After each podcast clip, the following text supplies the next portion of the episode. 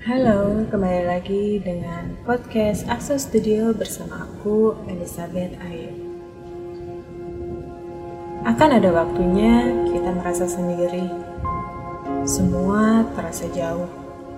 Keluarga, sahabat, pasangan hidup, bahkan rekan kerja.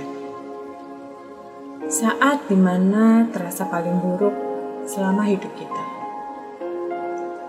keputusan yang diambil menjadi arah hidup kita. Pergejolakan pikiran dan perasaan terjadi seperti klimaks sebuah film aksi. Semua terlihat dan terasa memuakan. Sulit diceritakan, sulit diungkapkan. Sulit untuk dilewati. Namun, di sinilah kita dilatih untuk menjadi lebih dewasa. Level kedewasaan pikiran dan perasaan terlihat di saat yang seperti ini. Kedewasaan sesungguhnya terlihat di situasi seperti ini. Tak perlu orang lain untuk mengerti, tak perlu orang lain untuk memahami kondisi ini, Tak perlu orang lain untuk menarik kita keluar dari situasi ini.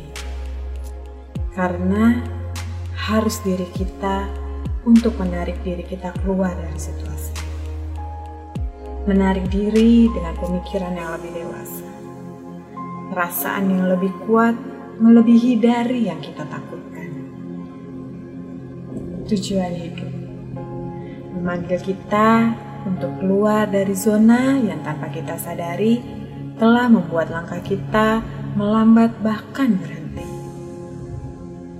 Memandang tujuan hidup membuat kita mulai berjalan kembali, bahkan berlari lebih kencang. Tak mudah memang, namun kehancuran hati setimpal dengan sesuatu yang akan kita terima di waktu mendatang.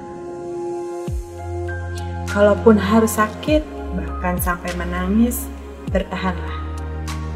Kita akan mendapatkan yang layak untuk kita terima dan syukuri.